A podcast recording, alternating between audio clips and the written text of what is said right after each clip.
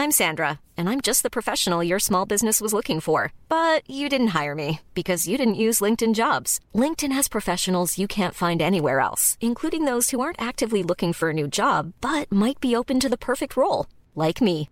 In a given month, over 70% of LinkedIn users don't visit other leading job sites. So if you're not looking on LinkedIn, you'll miss out on great candidates like Sandra. Start hiring professionals like a professional. Post your free job on linkedin.com/spoken today. One size fits all seemed like a good idea for clothes Nice dress. Uh, it's a it's a t-shirt. until you tried it on. Same goes for your healthcare. That's why United Healthcare offers a variety of flexible, budget friendly coverage for medical, vision, dental, and more. So, whether you're between jobs, coming off a parent's plan, or even missed open enrollment, you can find the plan that fits you best. Find out more about United Healthcare coverage at uh1.com. That's uh1.com. There's never been a faster or easier way to start your weight loss journey than with PlushCare. PlushCare accepts most insurance plans and gives you online access to board-certified physicians who can prescribe FDA-approved weight loss medications like Wigovi and Zepbound for those who qualify. Take charge of your health and speak with a board-certified physician about a weight loss plan that's right for you. Get started today at plushcare.com slash weight loss. That's plushcare.com slash weight loss. plushcare.com slash weight loss.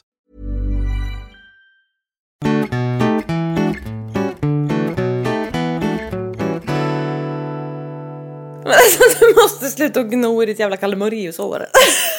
Kalle Moraeus har inget hår. Det har inte du heller om du fortsätter sådär. I ditt to be Kalle Moraeus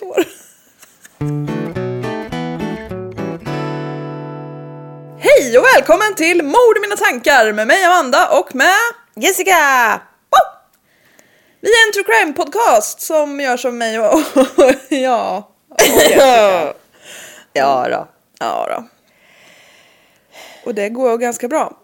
Men det var så varmt i din lägenhet. Ja jag vet men alltså man mår skit nu bara. Men det är ju så. Du ska ju ut och vandra och grejer så nu är det så här. Nio mil ska jag gå. Ja jävla idiot. ja. Vasaloppsleden. Fan vad jag garvade när du la ut den där bilden och hade skinkan som var inga byxor. Det var jättekul. Ja, jag är så lite rolig. Jag bjuder på mig själv. Jag har Ja. sparat den i höjdpunkter ifall någon vill gå in och titta Fan på de vill min- se din skinka. på Instagram. Ja, det är exklusivt material för mina följare. Onlyfans. ja, den släpps på mord i mina tankars Onlyfans. Även den bilden kanske när jag provar dina cykelbyxor här hos dig. Ja, det är så. Det jag såg ut som en tvestjärt. Tvestjärt. Ja, typ. Ehm, Men du. Ja. Vill du säga något? Mm. Ja, okej.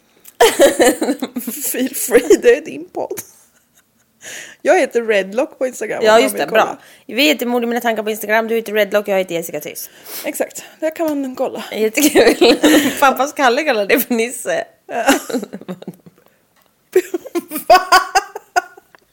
Pappas Kalle kallar dig för Nisse. Kalles pappa. Ja, Han kallar dig för Nisse. Nisse. Jättekul. Hur kan du tillåta sånt? Är så roligt. Han bara, och Nisse, ha! Och jag tänkte, vad fan är det där? Kom jag på- jag bara, åh, Nils menar du? Han bara, ja!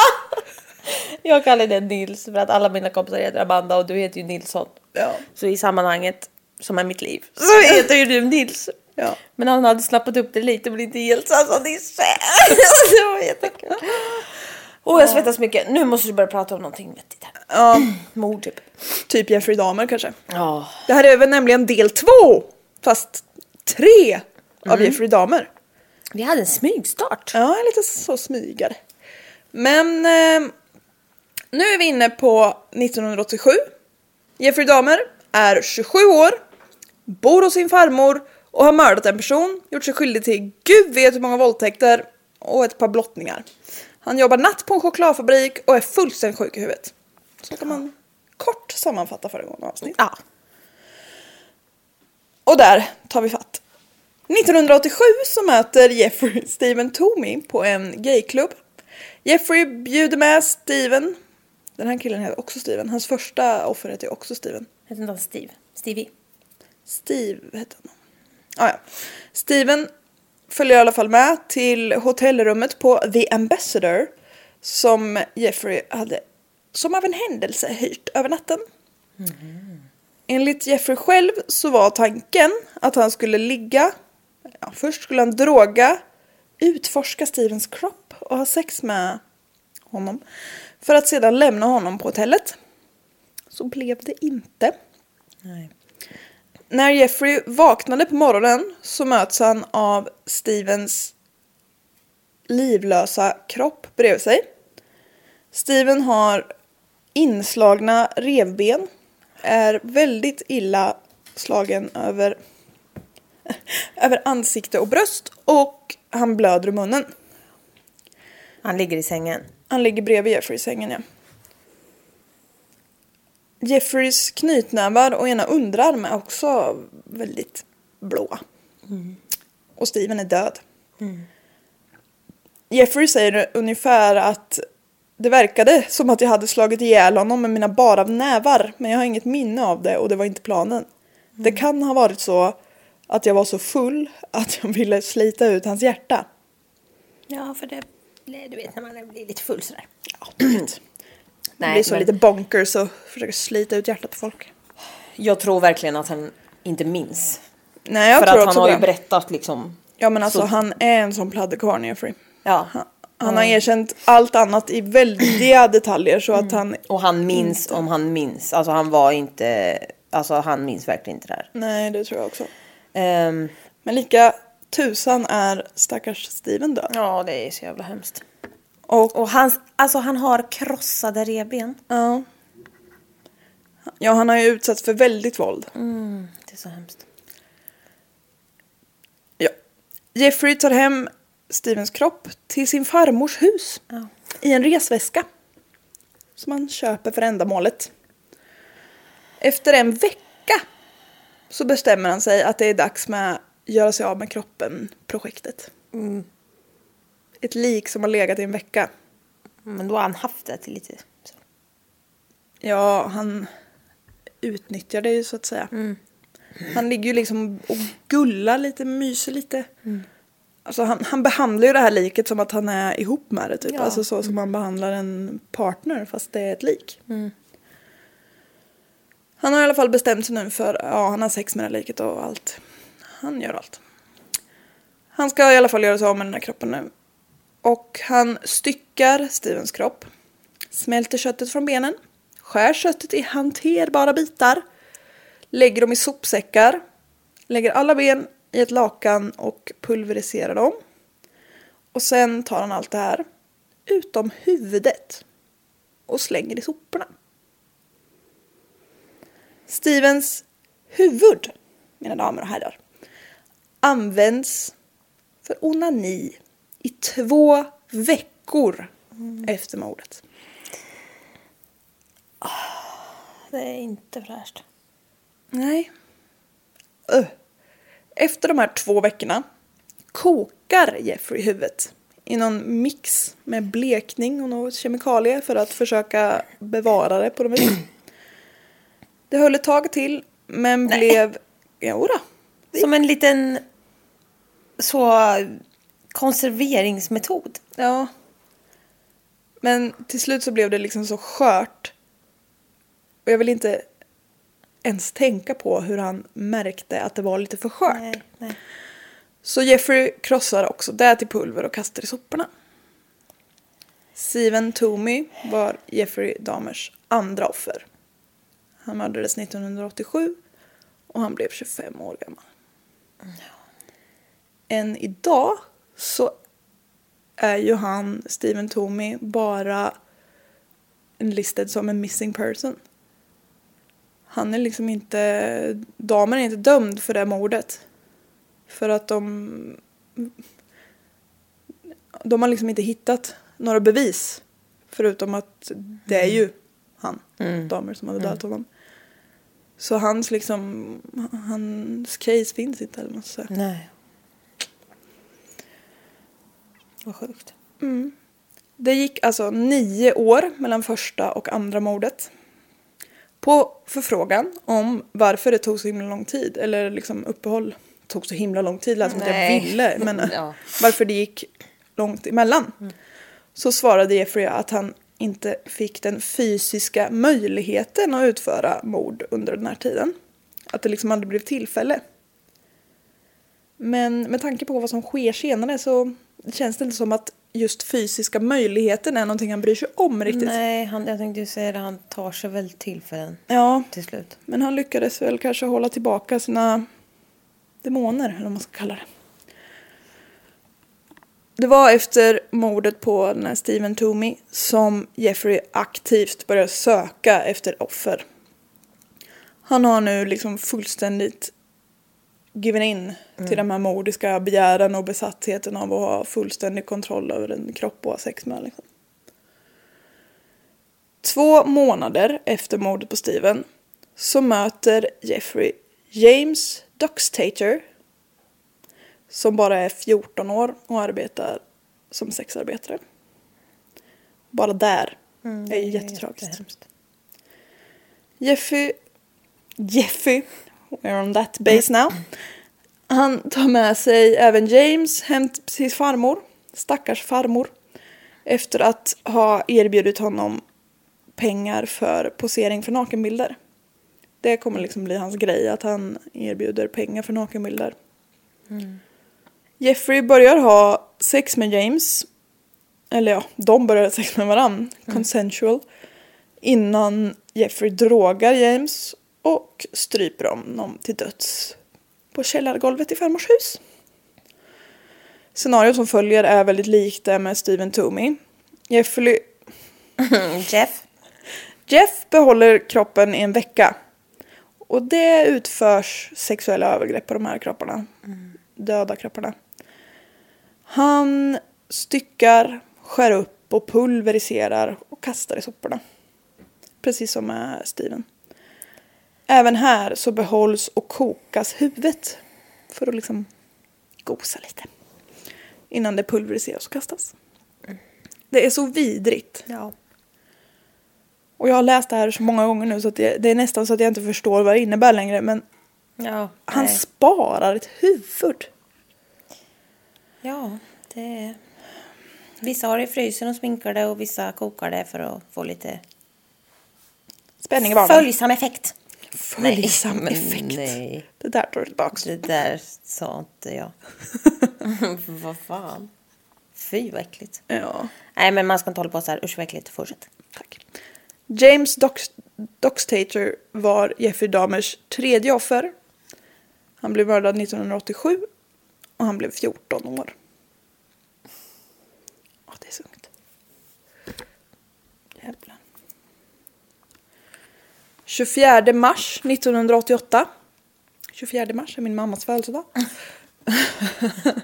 så möter Jeffrey Richard Guerrero på en gayklubb som heter Phoenix.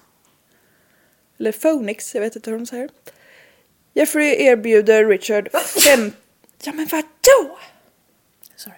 Jeffrey erbjuder Richard 50 dollar för att spendera natten med honom. Vilket Richard går med på och de åker till farmors hus. På uppe på höga berget.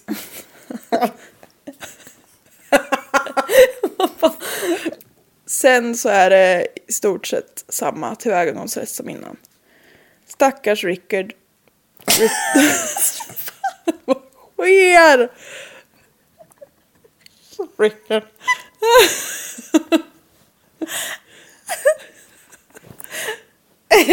Kirket. Cricket. Jimmy Kermit menar jag. Jimmy Kermit. Richard drogas, stryps med ett läderbälte och efter att han är död så... Alltså det står ju att han... Vad står det på engelska? För det är därför jag inte får ihop det. Han... He... Eh. Att Ja men att han... eh, Utför uh, oralsex. Ja, jag vet precis vad det är för ord. Ja. Ah, ah, han fick hugg i bröstet. Är det inte det ena så är det andra. Okej. Are you back? Mm, I'm back. Nej men jag vet vad det är för ord du menar. Ja. Men det finns ingen bra svensk översättning. Nej. Men är det att han suger av eller att han liksom mun penetrerar? Ja, det skulle jag säga. Ja, det, det är det jag trott. För den engelska termen är ju som att det skulle kunna vara vilket som. Ja. Men den är ju också som att han har sex med det här liket. Och jag tycker inte riktigt att det är rätt sätt att Nej säga. det är det verkligen inte. Men han förgriper sig på den här döda kroppen. I mun på den Ja, här döda kroppen. ja. Och eh, kroppen gör han sig av med på samma sätt som eh, Steven och James. Men han sparar bara kroppen i ungefär ett dygn här, så han har den lite kortare. Huvudet däremot sparas i flera månader. Richard Guerrero var Jeffrey Dahmers fjärde offer. Han dog 1988. Han blev 22 år. Så jävla unga killar alltså. Det är jättemånga unga killar. Ungefär en månad senare så lurar Jeffrey med sig en annan ung man hem. Den här gången så råkar dock Jeffreys farmor upptäcka att Jeffrey inte är ensam på rummet. Jeff, is that you? Jeffrey har redan lurat i offret drogerna. Men eftersom farmor vet att han inte är ensam, för det fattar farmor. Farmor är inte dum. Så, liksom, så kan han inte genomföra mordet. För han vill inte att hon ska förstå det såklart. Och han vill ju heller inte att, att farmor ska upptäcka att han är bög. Nej, men nej det vore ju hemskt. Ja, men då- det vet nog redan farmor. Det kanske hon vet, men ehm, jag vet inte om han vet det. Eller ja, det gör han väl, men han vill väl inte skylta med det för mycket. Han, eh, vad heter det, han visste ju liksom inte riktigt hur han skulle göra med det här eh, offret nu. Men han väntade tills det hade blivit medvetslöst. Nej men. Till, nej men alltså. Ja men tills personen, jag har Ja. inte namnet på honom. Nej men du kan inte säga till det hade blivit medvetslös. Offret. Ja det blev ju jättehemskt. Till Nej. han personen som verkligen är en människa som vi sörjer än idag. jag tar om det här. Det blir värre och värre. Han väntade tills offret hade blivit medvetslöst och sedan körde han honom till sjukhuset. Och sen har jag skrivit farmor alltså.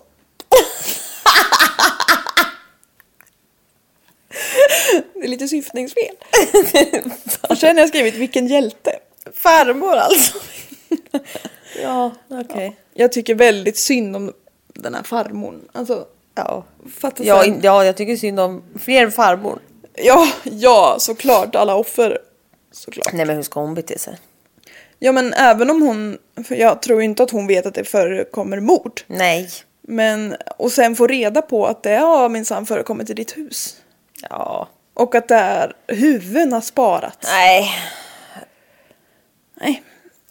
I Och man september. undrar ju vad han använder att koka det i liksom. Ja. Det är... Är det en egen liten gryta eller diskar han ur den? Och... Nej. Nej. Åh, vad äckligt. I september 1988 så fick farmor nog. Hon bad Jeffrey att flytta ut då hon inte gillade att han drog hem män dygnets alla timmar. Just att de var män sket hon kanske i. Ja men det var ett jävla spring där. Ja, det var ett jävla springa. Och dessutom så började det lukta väldigt illa ifrån källaren och garaget. Jag har... Jag tror... Jag kommer inte ihåg vad Jeffrey förklarade den här lukten med. Men eh, man förstår ju att farmor vill bli av med honom. Ja. Nej men han hade så mycket förklaringar på allt det där. Ja, det kommer några sen men just där vet jag inte riktigt vad han sa. Men Jeffrey flyttar i alla fall till en egen lägenhet. En etta på North 25 Street. 25th Ja. Street. Som låg i ett så lite kriminellt område men det var billigt. Det brukar gå lite hand i hand där men vem är jag? Det låg även ganska nära hans jobb där på chokladfabriken. Och för att komma ihåg... Nej. Vi ska komma ihåg att utåt sett så är ju, verkar ju Jeffrey helt normal. Trots att han nu har mördat fyra personer. Ja. Han har ett arbete och han är liksom vårdad och vältalig och intelligent. Något eh, alkoholproblem men eh, inte så att han inte Nej, kan men han är ju jobb. hel och ren liksom. Ja, precis. Ja. Dagen efter att Jeffrey flyttade hemifrån så blir han gripen för att ha drogat och sexuellt utnyttjat en 13-åring. En pojke som hette Kison Sintasomfon. Sint... Sintasomfon. Nej, det låter som ett instrument. Ja, Sintasomfon. Ja. som Jeffrey, om jag förstått det rätt, träffat på någon på sin arbetsplats eller om det var typ hans, det var någon bekant eller alltså så, någonting. Innan rättegången som blev så utfördes på Jeffreys advokats begäran en psykologisk utvärdering av Jeffrey. Psykologen kom fram till att Jeffrey hade starka känslor av att inte passa in i samhället. Alien... Ursäkta mig. Alienism. Han kände sig som en alien. Att han var impulsiv, svårt att lita på andra människor och nedstämd på grund av att han inte åstadkommit något i livet. Okej. Åh, varför måste man åstadkomma något i livet? Jag vet inte. Ja. Eller ja, jag förstår verkligen den känslan Ja, men ja, ja.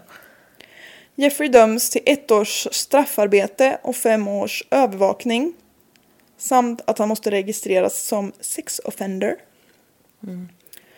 För att kunna behålla sitt jobb på chokladfabriken så får han lov att lämna arbetslägret för att arbeta. det tyckte jag var roligt. ja. Domen kom, den här domen som jag precis pratade om, kom i januari 89. Men straffets liksom, verkställighet flyttades fram till maj. Så han hade ju några månader på sig däremellan. Och det var jättebra, för då hade han tid att träffa Anthony Sears på en klubb. Anthony var en modell i början på sin karriär och Jeffrey tyckte att han var otroligt vacker. Jeffrey har själv sagt att han inte var ute efter ett offer den kvällen utan att det var Anthony som kom fram och började prata med honom och då kunde jag inte låta bli. Jeffrey hade nu flyttat hem till farmor igen för att liksom, ja, jag ska snart åka in farmor så jag behöver, jag behöver lite hjälp och så. Stackars farmor eh, gick med på det så det var dit de begav sig. Ehm, de började att ha liksom consensual, vad heter det, Sam, sex under samtycke. Samtyckesex, ja. Samtyckesex. Allt sex är samtycke tycker jag. Så, men det, man vet ju inte, det står ju alltid där. Ja, precis. Bara, de hade sex, man bara, fast det är, det är ju inte det om en inte vill. Men ja. Ja. De hade det i alla fall, sex samtycke. Innan Anthony blev drogad och strypt till döds. Morgonen efter så bär Jeffrey upp kroppen och lägger den i farmors badkar. Där han halshugger den och sedan försöker flå den. Alltså ta bort skinnet helt. För att han ville så gärna bevara liksom hans Anthonys perfekthet så. Ja. Uh, what? Ja. Han vill ha skinnet som en liksom liten, Fårfäll? som en liten matta. Nej. Vad hemskt. Ja, Han, eh, alltså Jeff har ju, för han kör ju mycket med att han tar hem killar och så bara oh, I can take pictures of you och så här. Och sen så ska det bara vara oskyldigt och sen blir det lite naket. Alltså och vissa går med på det. Du kanske kommer till det med sen. Skitsamma. Och, men alltså det jag vill komma med är ju att det finns ju bilder på det här. Har du sett dem? nej, men jag vet att de finns. Och jag... Men vi kommer in lite mer på bilder och sånt sen. Jag har sett dem. Ja. Inte alla, för därför finns det inte att få tag i. Nej, men jag vet också att det finns att googla fram. Ja, det var sjukt alltså. Ja. Men vi kommer till det. Ja. Det är typiskt mig. Jag, jag vill ju gärna se. Jag, jag vet Ja, men jag vill också se. Ja. Med skräckblandad Ja. skräck mest bara faktiskt. Bara hör jag att det finns bilder så vill jag se dem. Ja, Det är ja bara precis. Det gick inte så bra med det här skinnet, men eh, eftersom Jeffrey ansåg att Anthony var så otroligt attraktiv så hade han liksom en ännu starkare vilja än med tidigare offer att bevara huvudet. även könet. Ja. Ja. Så han la liksom huvudet och genitalierna i burkar med aceton och sparade som små troféer. Finns också bilder på. Ja, och, ja, kan jag tänka mig. De här la han i någon liksom, stadig trälåda och låste. Och förvarade. Anthony Sears var Jeffrey Dahmers femte offer. Han mördades 1989 och han blev 26 år gammal. Det finns ju en lite spännande side story om den här lådan. För den, alltså den bär ju han med sig eh, livet ut sen, eller på att säga. Men eh, den här lådan finns alltid med. Och den stod ju i någon garderob tror jag när han bodde hemma hos farmor. Alltså, jag vet inte vad farmor heter. Så Nej, låt- jag kommer faktiskt inte ihåg det heller. Nej, jag såg aldrig hennes namn någonstans. Men eh, det var någon gång så kom Jeffreys pappa och hälsade på för att kolla läget liksom. Och då hade väl Jeffrey haft den här lådan framme. Den var liksom låst och allting. Men pappan undrade ju vad fan What's det in the box Jeff? Ja, vad fan är det i den? Och liksom Jeffrey bara, "Ah, ah, jag har eh, rätt till mitt privatliv, du behöver inte veta vad som är i den där. Och Lionel bara, du bor i min mammas hus, jag tror inte att du har rätt till något privatliv. och han var liksom, Lionel var ganska på om den här lådan. Han ville veta vad fan det var i den. Eftersom Jeffrey var så himla mån om att hålla det hemligt.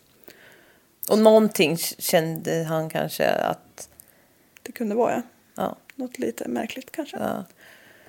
Och när liksom Jeffrey fattar ju att han kommer inte ge upp förrän han får se vad det är i den här lådan.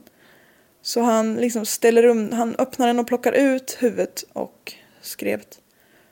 Och lägger i liksom heteroporr i den. Och så visar han pappa, bara kolla här, är du nöjd nu typ. ja. Det ser ut som han får lägga till. Ja, eh, jag tror att han så här, eh, alltså de började bråka om den där jävla lå- lådan.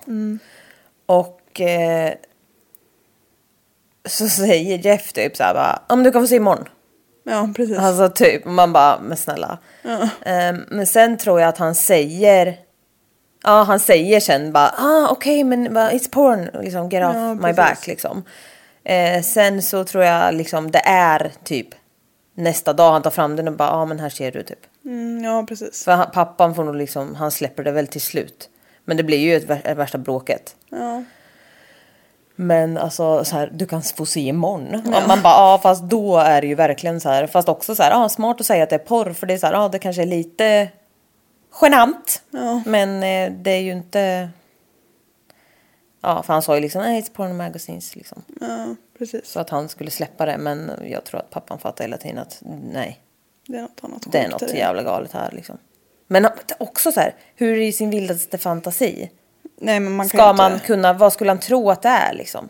Nej, jag vet inte vad han... Om man tänkte kanske att det var någon konstig Han- sexgrej. Ja, men, ja, men jag vet inte. Men alltså, han kände ju ändå på sig att någonting inte stämde helt liksom. Ja, något, ja, Han bara, något märkligt. Vad läskigt för pappan liksom. Ja, Och sen efteråt. ja. Ja, och veta att han har varit i närheten av den jävla lådan bara. Ja.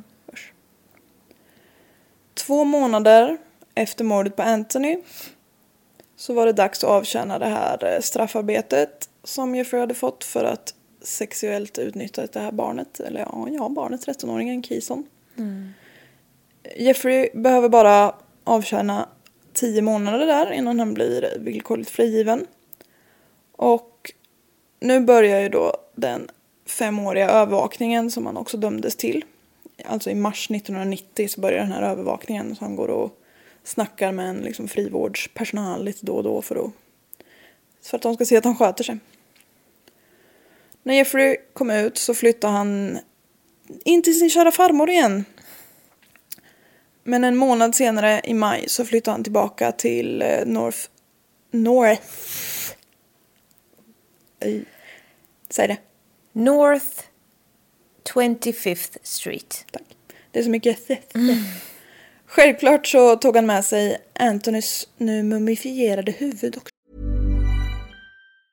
Hey, I'm Ryan Reynolds. Recently, I asked Mint Mobile's legal team if big wireless companies are allowed to raise prices due to inflation. They said yes. And then when I asked if raising prices technically violates those onerous two year contracts, they said, What the f are you talking about, you insane Hollywood ass?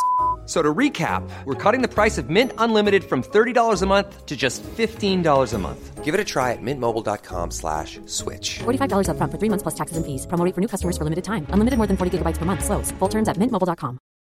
Hey Dave, Yeah, Randy. since we founded Bombus, we've always said our socks, underwear, and t shirts are super soft. Any new ideas? Maybe sublimely soft. Or disgustingly cozy? Wait, what? I got it. Bombus. Absurdly comfortable essentials for yourself And for those facing homelessness. because one purchased equals one donated. Wow, did we just write an ad? Yes. Bombas. Big comfort for everyone. Go to bombas.com slash ACAST and use code ACAST for 20% off your first purchase. Kön till sitt nya hem. Mm. Alltså stack... Jag tycker så synd om farmor. Och Anthony men Ja, självklart Anthony också. ja, alla bara. Ja. Alla utom Jeffrey. Ja, Jag tycker synd om honom också. Jätte. Nej men alltså nej jag kan inte tycka synd om honom. Jo, jag gör det. För han, han vet vad han gör. Ja. Ja, Jag tycker det ändå. Ja. En vecka efter att han flyttat hemifrån på nytt så är det dags för nästa lilla möte. Här träffar han sexarbetaren Raymond Smith som Jeffrey lurar med sig hem efter att ha erbjudit 50 dollar för sex. Man tänker ju, eller jag vet i och för sig inte hur mycket 50 dollar är på den här tiden men det är ju inte jättemycket. Let us not go there. Nej, det är ju, så det, jag tänker att han, har ju, han går ju på ganska utsatta människor. Ja. Väl inne i lägenheten så Alla som behöver erbjuda någon form av eh, sexuell tjänst för pengar är väl utsatta. Ja, jo, så är det ju. Väl inne i lägenheten så bjud, bjuder han Raymond på en drink som är spetsad med sju sömnpiller. Oh. Mm, han satsar rejält. När Raymond förlorar medvetandet stryper Jeffrey honom till döds och eh, ja, men har våldför sig på likets mun med sin penis. Dagen efter så går Jeffrey ut och shoppar en polaroidkamera. För att sedan posera Raymonds kropp i massa olika liksom, vulgära sexuella poser och liksom konstiga så liksom en levande människa sku, kan inte ställa sig så som han ställde den här kroppen. Om Nej, jag har sett bilder på det här med. ja, Det ser helt sinnessjukt ut. ja, vi får googla upp den sen Ja. tror jag. Sen så styckar han Raymonds kropp i badrummet. Kokar kroppsdelar i någon sån här kemikalie för att få bort köttet ifrån benen. Huvudet sparas i vanlig ordning. Men den här gången så spraymålar han det grått och ställer det i ett liksom så litet vitrinskåpsaktigt Nej. bredvid Antonys preserverade kroppsdelar. Även Raymonds ben, ben, alltså bones, sparas som liksom så dekorationer för att åstadkomma en trevlig känsla i hemmet. Ja, men det är så bisarrt. Jag orkar Ja. inte. Hans ben. Uh. Raymond Smith var Jeffrey Dahmers sjätte offer. Han mördades 1990 och han blev 33 år. Bara en vecka senare lurar Jeffrey med sig ännu ett offer till sin lägenhet. Här hade liksom allt kunnat varit över.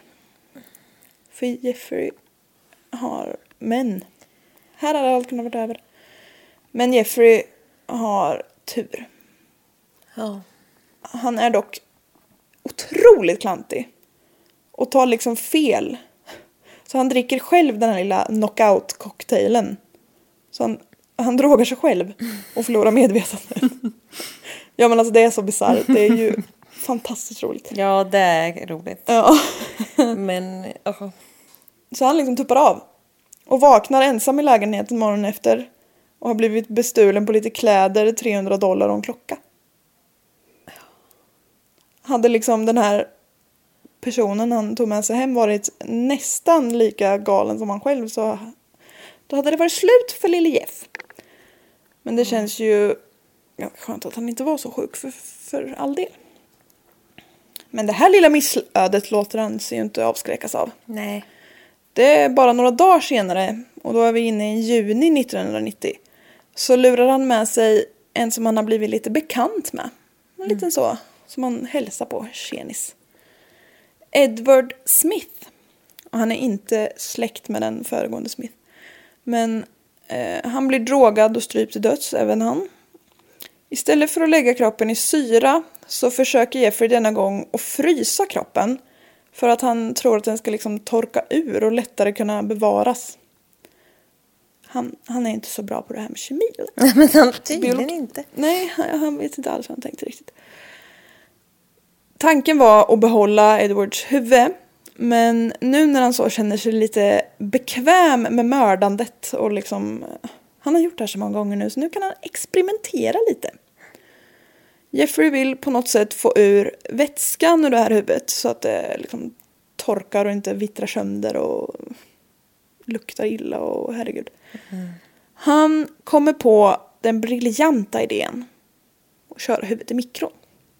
Ah! Jessica, vad händer om man kör Just det. ett huvud i mikron? Oh. Det sprängs. Ja. För man kan inte torka saker i en Ah. Alltså, Ja, det här är ju för grovt. ja. Det är för dumt också. Han är så jävla dum och det är så otroligt vidrigt. Och så, alltså det här stackars... Han har liksom inte bara skämdat den här Nej. kroppen. Jag tycker Ah. det är riktigt vidrigt. Torka inte saker i mikron. Nej, det går inte. Det går inte. Inte ens, ingenting går att torka i mikron, det blir bara varmt. Edward Smith var Jeffrey Dahmers sjunde offer. Han mördades 1990 och han blev 27 år gammal. Till nästa offer så dröjer det nästan tre månader. För lille Jeff blev ju så lite ledsen när det inte gick så bra med det förra offret. Eller så kände han sig hoppfull på kroppen som låg i frysen eller någonting, jag vet inte riktigt. Men eh, Jeffrey träffar i alla fall Ernest Miller utanför ett bokhandel. Ja. Otroligt obehagligt att ragga på bibliotek och bokhandel. Man, man, det är inte liksom där man tänker sig att man ska träffa på riktigt psykopersoner. eller? På bokhandeln. Jag förstår inte vad du säger just nu. Är det inte otroligt obehagligt att han raggar på bokhandlar och bibliotek? Ja, men det är väl obehagligt vart han än är. För han är väl obehaglig bara. Ja, men För vad, vad på menar krogen du? Vad är det ju typ vanligt att man raggar. Ja, du tänker att På man... bokhandeln raggar man inte på folk. Nej. Eller är det bara jag? Men är... Nej. Träffades du och Kalle på bokhandeln? Nej. Nej. Just det. Prov. Point proven. Ja. För 50 dollar så gick Ernest med på att följa med hem till Jeffrey och eh, låta honom lyssna på hans mage och hjärta. För det tyckte Jeffrey var lite mysigt. Väl hemma hos Jeffrey så påbörjade Jeffrey en eh, sån liten avsugning av Ernest. Då var Ernest väldigt snabb med att meddela att det skulle kosta honom extra. Jeffrey är då ganska snabb med att droga Ernest. Och av någon anledning så har han bara två sömnpiller hemma. Vilket inte räcker för att göra liksom, Ernest så pass medvetslös att det enkelt går att strypa honom. För Jeffrey är ju ganska stor och han är lång, han är över 1,90 lång. Men han är, liksom, han är ingen fighter så. Han slåss inte och han vill... Han vill Nej, ju han vill inte det. Han är Nej. inte intresserad av det heller. Precis, det är inte liksom själva... Han vill inte ha ett blodigt mord. Nej, och han liksom vill det inte är göra dem... Alltså han vill inte... Det här låter helt sjukt också. Men han vill ju inte... Men han, Han vill inte... njuter inte av att göra dem illa. Han vill inte att det ska vara smärtsamt för dem heller. Nej. Han vill ju liksom... Han vill ju bara att de ska somna lite. Ja. Och fortsätta vara så. Helst alltid. Ja. ja, grejen för honom är ju inte som sagt att skada eller att mörda utan det är att han vill ha en medvetslös kropp bara. Mm. Sen så tyvärr så tycker han ju att målet helgar medlen. Mm. Men eh, just för att han liksom inte hade så många sömnpiller så att han kunde göra Ernest helt knockad så tar han en kniv och skär upp halsen på Ernest som förblöder inom några minuter. Och Ernest är ju också den enda som, eh, som han mördar med kniv. Mm. Jeffrey som älskar sin polaroidkamera. En polaroidkamera är alltså en sån som sprutar ur sig bilder direkt. Mm. Eller liksom framkallar, för kameran framkallar bilderna själv. Men han börjar posera den här kroppen och ta bilder. Och han har själv sagt att han tog de här bilderna för att liksom bevara minnet och stunden och han ville, han ville minnas hur de här personerna såg ut och liksom var återuppleva och hur vackra de var och sådär. Efter den här fotograferingen så tog Jeffrey kroppen till badrummet för så lite dissekering. Bardrummet. Alexander Bard. Alexander Bard Jag tror det här med att han ville lyssna på hans hjärta och mage och grejer. Mm. Han var, var ju så här, först bara, ja men gör det då typ. Du är weird men whatever floats your boat. Ja. Men sen så vart väl Jeff lite mer så här och ville ha sånt. Sen tror jag som sagt att han inte lyckades droga. Alltså de vart ju liksom i... Alltså de började ju, det vart ju typ, höll ju på att bli lite slagsmål typ tror jag. Ja, så kan det vara. Eller, för han vart ju så här, han försökte ju dra. Och då fick ju Jeffrey panik. Ja. Ja, just att de, att de potentiellt kan lämna honom Ja, tycker det, han det också klarar han inte av. Nej, precis. Så liksom... Ja. Han vet ju inte vad, hur han ska bära sig åt. Och då panikar han ju. För att han vill ju inte, han Fast vill vi ju ha kan kvar inte dem. skylla på att han... Nej, men jag ömmar mycket för Jeffrey Dahmer. Ja, jag vet och det är, det är sjukt. Okej, fortsätt. Under tiden som han liksom styckade och dissekerade den här kroppen så kysste, smekte och pratade han med det avsågade huvudet. Nej, det är inte nice. Det är inte nice. Känner du att det också är för att han inte Nej, riktigt vet hur han ska bete sig? Ja, det... Nej, men det är inte försvarbart. Det är faktiskt verkligen lite försvarbart. Jeffrey åt Ernsts hjärta. Sparade biceps och delar av köttet från benen i frysen. För senare konsumtion.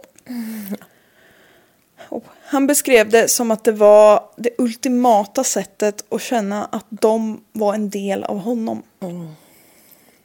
Han är ju väldigt mycket där för att ha kvar dem på något Ja. sätt. Han har ju beyond så... Se, liksom. Lite svårt för avsked. Ja! Ja, typ. På ett sätt. På ett annat inte. Men eh, ja, han vill, han är, vad säger man? Man är rädd för att bli lämnad. Ja. Ja, han, han har separationsångest. Ja, typ. På något väldigt sjukt sätt. I vanlig ordning i alla fall. Så eh, smältes köttet från benen och Jeffrey sparade även hela Ernests skelett. För om han inte kunde ha dem hos sig i sin helhet så kunde han ju i vart fall behålla benen. That's one way of thinking. Ja, logiskt. Allt är väldigt logiskt. Ja. Det är ju här man skulle vilja säga till honom att eh, har du testat att inte döda dina partners? Ja, och eller också det här med att bara, jag äter hjärtat så att hans hjärta är kvar i mig för alltid. Man bara, men har du hört talas om tarmfunktion? Du kommer bajsa It's ut not skiten. gonna stay there forever. Åh herre, säg inte det. Sorry to break it to you. Yeah, but uh, you got some analingus. Nej. Nej. Nej. Ernest Miller var Jeffrey Dahmers åttonde offer. Han mördades 1990 och han blev 22 år. Hemskt. Ja. Nu är vi på 24 september 1990. Det har gått tre veckor sedan Jeffrey mördade Ernest och nu springer han på David Tom... David Tom... Förlåt. David Thomas på en galleria. Jeffrey lyckas få med sig David hem på några drinkar och lovar honom även pengar om det skulle vara så att han vill ställa upp på några nakenbilder. Mm. Efter att Jeffrey har drogat David så insåg han att den här killen var inte så snygg. Ja, nej, det... Han var ju dock rädd att David skulle vakna och vara arg för att han hade drogat honom så han ströp honom till döds ändå. Nej men. Ja. Sparade inte några kroppsdelar eftersom David inte var attraktiv. Nej men fy fan. Ja. Jävla. Det var äckligt. Det är riktigt vidrigt. Han bad inte om att få komma dit direkt. Åh. Men självklart så fotograferade Jeffrey ändå styckningen och det hjälpte polisen att identifiera David sen. David Thomas var Jeffrey Dahmers nionde offer. Han mördades 1990 och han blev 22 år. De är så unga allihopa. Ja, det är så många nu. Ja. ja, nu är vi uppe i nio stycken. Efter mordet på David så har Jeffrey en sån liten cool down period som är vanligt att seriemördare har. Det innebär att David blev Jeffreys sista offer under året 1990. Inte sista. Nej. Men vi är alltså nu uppe i totalt nio offer varav fyra mördades under 1990. Han jobbar på under 1990. Jeffrey gick som sagt till en sån här övervakare regelbundet och till den här så ska han ha sagt att han mådde väldigt psykiskt dåligt. Eh, Detta ska enligt honom själv ha berott på hans sexualitet, hans finansiella svårigheter och att han kände sig väldigt ensam. Övervakaren har också rapporterat, för de liksom skriver ju lite som journal typ, att Jeffrey upplevdes deprimerad och kämpade med både ångest och självmordstankar. Ja, jag tror absolut på att han inte mådde så bra. För jag tror inte en människa som mår helt hundra behöver göra sånt där. Nej. Och jag tror också att han har, kanske till skillnad från många andra seriemördare, så har ju han ändå en liten känsla av att det här är fel. Ja, gud ja. Han mår ju skit över det här. Ja. Men det är därför jag inte bara känner hat mot honom. För att han mår ju skit i det här. Och han har ju inte, för jag, på något sätt, alltså han gör ju helt sjukt vidriga saker. Men han är ingen lustmördare. Fast det blir ju att han blir det. Ja, men han, ja, nej. Han känner ju inte liksom, han finner ju inte härligt att döda. Själva dödandet.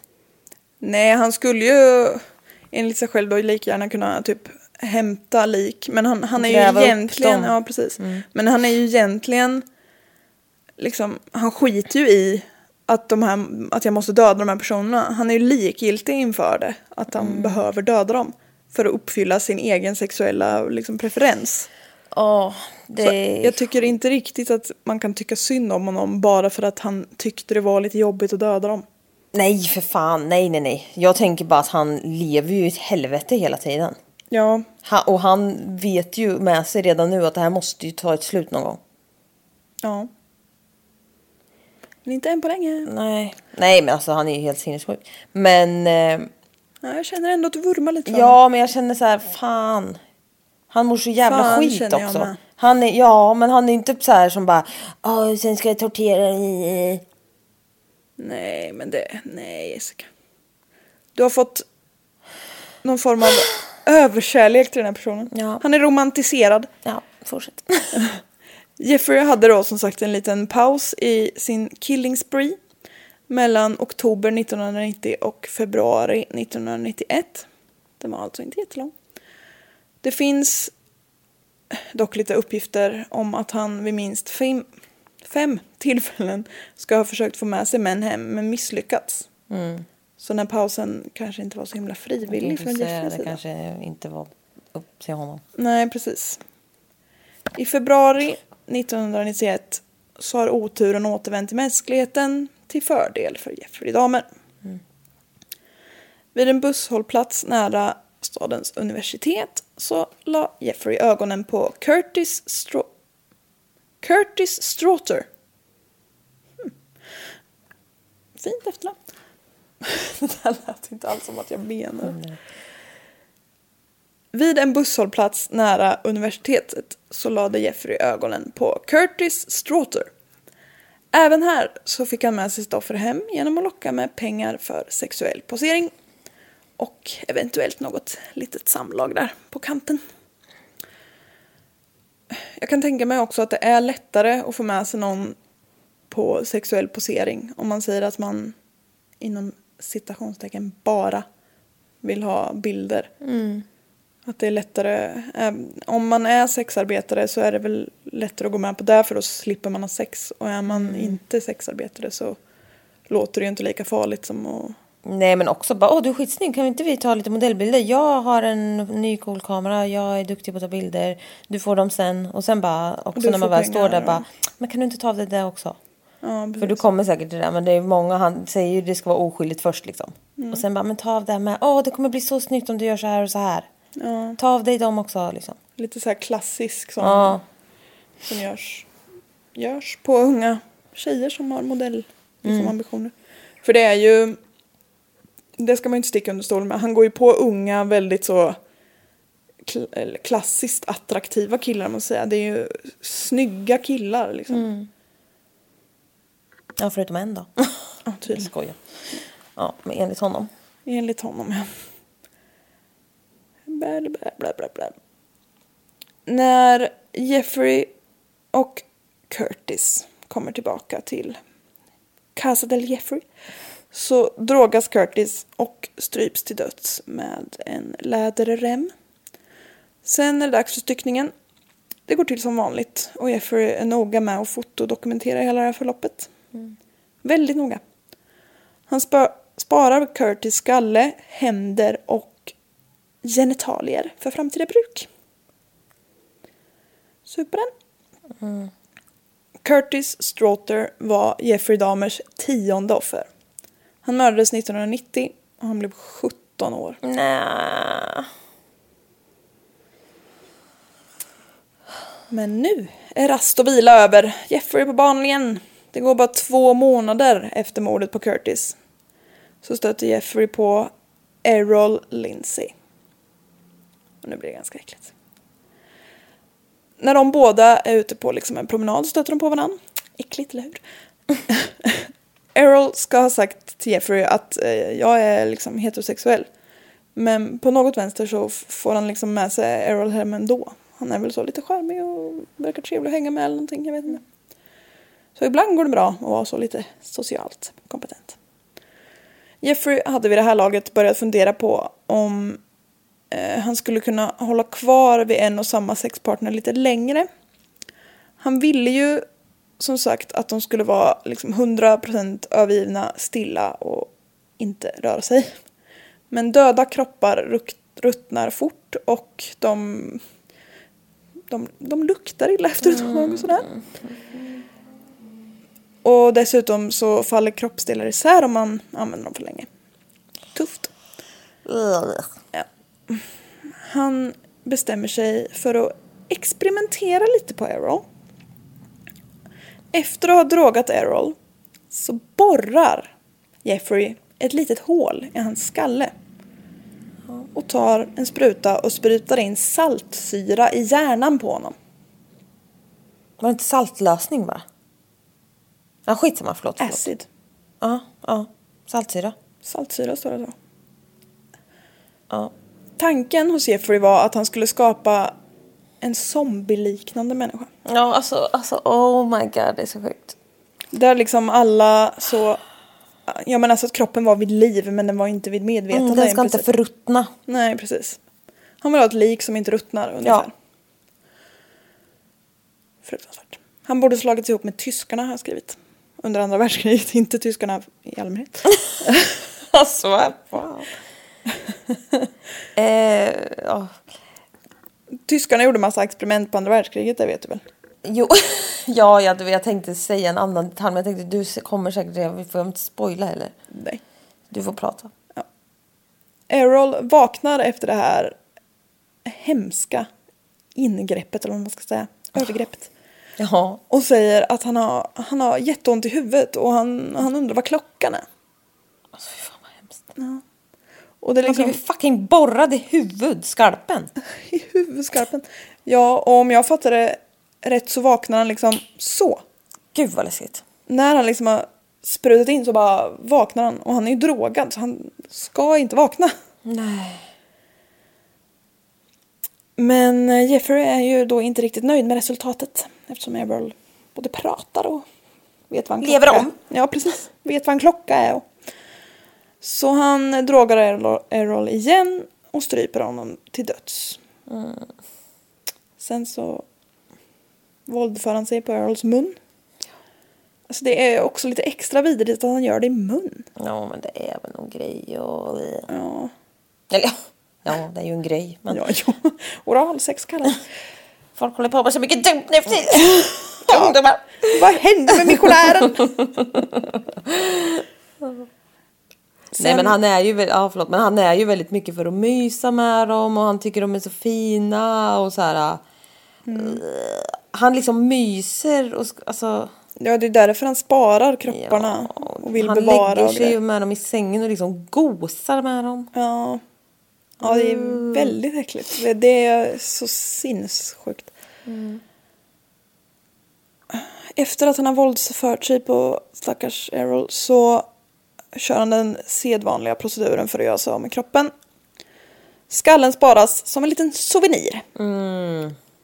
Jeffrey flodde även Errol och sparar skinnet i en liten blandning av kallvatten och salt i hopp om att den skulle liksom bevaras. Vad är det med jävla människoskinn? Vad ska han göra? Lampskärmar eller? Han ska nog ha som en liten sån myspläd. Nej. Nej, alltså det, nej vet du.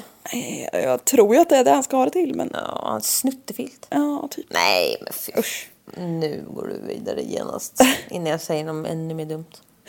Dock så fick han göra sig av med det här skinnet eftersom det blev väldigt skört av att ligga i, eh, i den här lösningen. Errol Lindsey var Jeffrey Dahmers elfte offer. Han mördades 1991 och blev 19 år gammal. Gud, Alltså det är tonåringar. Och där behöver vi en välförtjänt paus. Wow. Det kommer bli ännu ett avsnitt om Jeffrey Dahmer. Ja. För det är liksom, det är kvar sjuka jävla grejer hörni. Jag svettas ihjäl. Ja. Grand finale blir på vårt årsjubileum då. Just Nästa det. vecka. Då har vi hållit på ett helt år med detta. Varje vecka står vi där i ur Mm. Ja, och skur. fan vad sjukt. Ja, in och följ oss på Instagram. Mord i mina tankar heter poddens Insta. Jessica Thys heter jag. Och Redlock heter jag. Önska fall. Gärna slide into our DMs. Men vi vet vem... eh, liksom... Vi vet vem du är. Nej, men det, det vore kul om ni hade något fall som man kanske... Som ni tror att... eh, Som ni inte har hört något inte poddavsnitt om tidigare. Ja. För det blir roligare för oss att researcha dem också. Mm. En svensk podd alltså. Som inte har gjort det tidigare. Ja, ja. Och... ehm, ja. Det var väl det. Le Grand Finale next week. Ja, fy fan. Det blir spännande. Ja, då jävlar. Mm. Då har ju jag... Ja, när det här släpps har jag också varit och vandrat klart för sig. Ja. Keep updated på Instagram så får ni se hur det går. Ehm, du... Oh my god, det kommer vara så spännande nästa avsnitt. Det är så mycket kvar att säga känner jag. Ja, det är jättemycket. Vi tar det då. Vi tar det då. Ha det bra. Ha det gött, hej. Hej.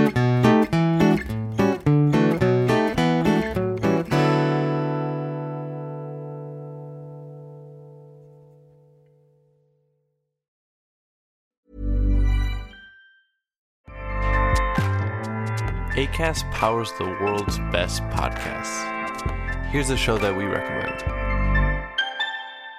The Real Housewives is a guilty pleasure for most, but if you're looking to not feel guilty about that pleasure, tune in to Everything Iconic with me, Danny Pellegrino, where I break down all the messy moments and behind the scenes antics of Bravo's popular franchise. And on Everything Iconic, I also interview celebrity guests like Kelly Ripa, Kiki Palmer, Drew Barrymore, Cameron Diaz, and more about their guilty pleasures, their past work, and so much more. So if you're pop culture obsessed and find yourself watching way too much reality TV like me, tune in to Everything Iconic with Danny Pellegrino wherever you listen to podcasts. ACAST helps creators launch, grow, and monetize their podcasts everywhere. ACAST.com.